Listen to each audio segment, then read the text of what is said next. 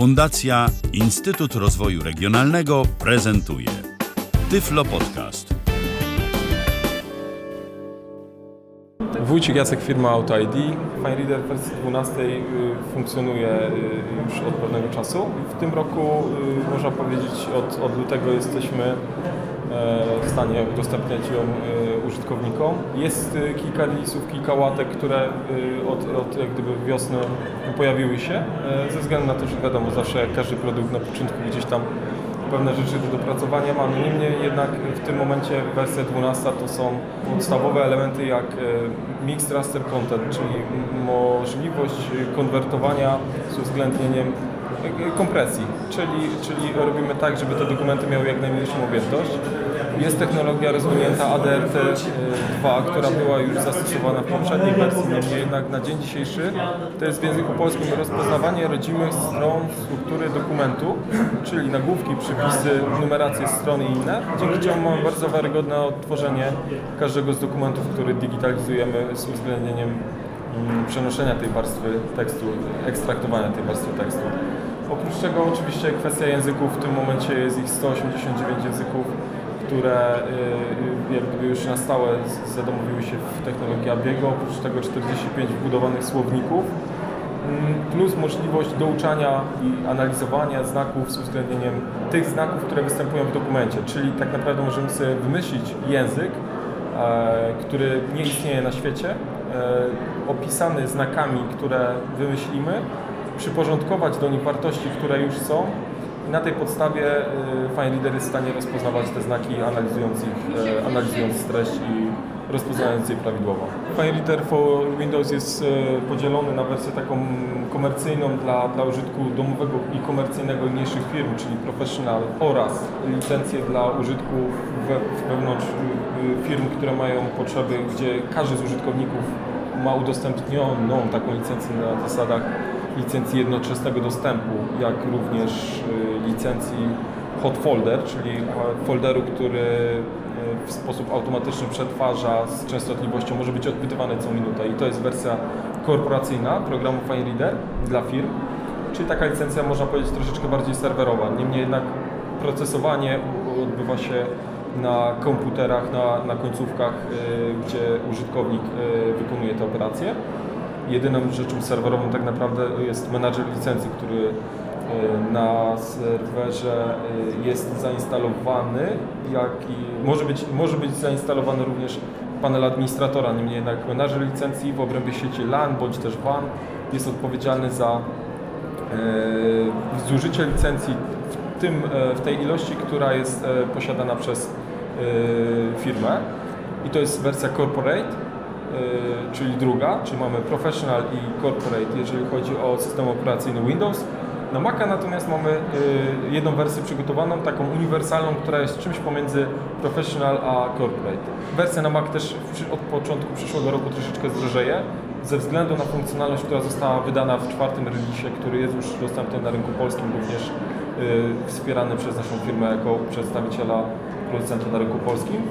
E, i tutaj mamy y, do czynienia z taką usługą typu hot folder, czyli taka automatyzacja procesów, w których jesteśmy sobie w stanie zbudować pewne reguły, czyli zakładam, że dostaję dokument w formie nieedytowalnej i przetwarzam do formy, którą sobie sam określę i sposób, w jaki będę przetwarzał też sobie sam określę i potem następuje to w sposób automatyczny też na zasadzie takiego hot folderu, gdzie job, czyli, czyli po prostu reguła, która powtarzalnie będzie e, odpytywała ten folder.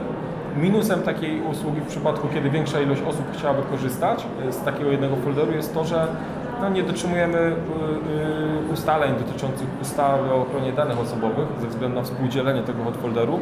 Niemniej jednak w przypadku większych firm robimy to w ten sposób, że foldery są dzielone na grupy. I tutaj mamy E, takie sztandarowe przykłady. To są międzynarodowe koncerny, które e, używają e, naszych technologii w Polsce ze względu na uniwersalność i bardzo dużą zmienność struktury dokumentów, mimo iż dotyczą tych samych wartości i tutaj tych samych tematów.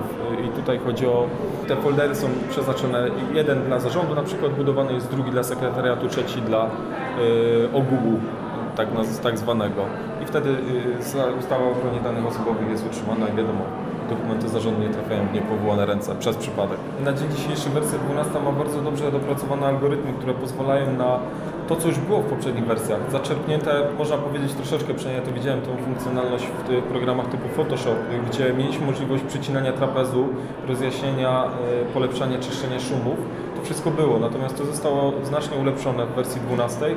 Co więcej, mamy coś takiego jak możliwość robienia zdjęć w biegu. To jest nowość prócz podstawowych rzeczy, które związane są z kompatybilnością w odniesieniu do systemów operacyjnych typu Windows 8.1 na przykład teraz wersja, czyli wzorce dotykowe, na dzień dzisiejszy mamy też moduł związany z e, możliwością wykonania pewnych zadań, dzięki którym jesteśmy w stanie robić zdjęcia w biegu. Robić zdjęcia w biegu, czyli tak naprawdę dużo gorszej jakości, e, mimo iż zostaną one wykonane dużo gorszej jakości, jesteśmy w stanie wyekstraktować tą warstwę, wynieść tą warstwę tekstu i przenieść w formę edytowalną znacznie lepiej niż miało to miejsce dotychczas. Więc od strony aparatu to jedyne tutaj nasze wyzwanie jest, żeby zrobić zdjęcie e, jakkolwiek, jeżeli ono będzie w miarę ostre, nie mówimy już tutaj o parametrach typu 300 dpi. Swoim telefonem, e, który, który posiadam na użytek prywatny, który ma kamerę 1,3 e, jestem w stanie zrobić zdjęcie, e, które jeżeli będzie ostre, przy w miarę rozsądnym oświetleniu jest w stanie wyekstraktować warstwę tekstu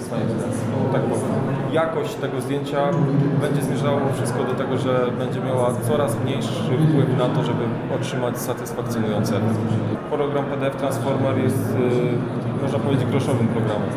Jest program, który jest dedykowany dla użytkowników, którzy pracują na dokumencie typu PDF z możliwością zaawansowanych narzędzi, które pozwalają na obróbkę tego dokumentu w formie PDF, bądź też ekstraktowanie oczywiście do formy edytowalnej. Zawiera dwie unikalne technologie, które zostały tam połączone.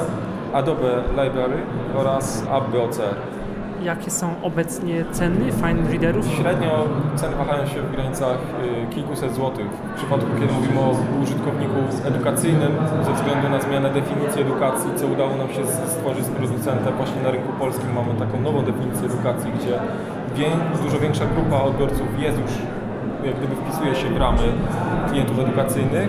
To są ceny w granicach 300 kilkudziesięciu złotych do, no, tak korporacyjne licencje pływające, nazwijmy to, jednoczesnego dostępu to są w granicach 1500 zł brutto. Według umowy licencyjnej e, użytkownik, e, czyli osoba, która kupiła jest pewnym posiadaczem programu, może zainstalować u siebie na komputerze stacjonarnym oraz jednym urządzeniu, które nie będzie używane w celach komercyjnych, urządzeniu przenośnym.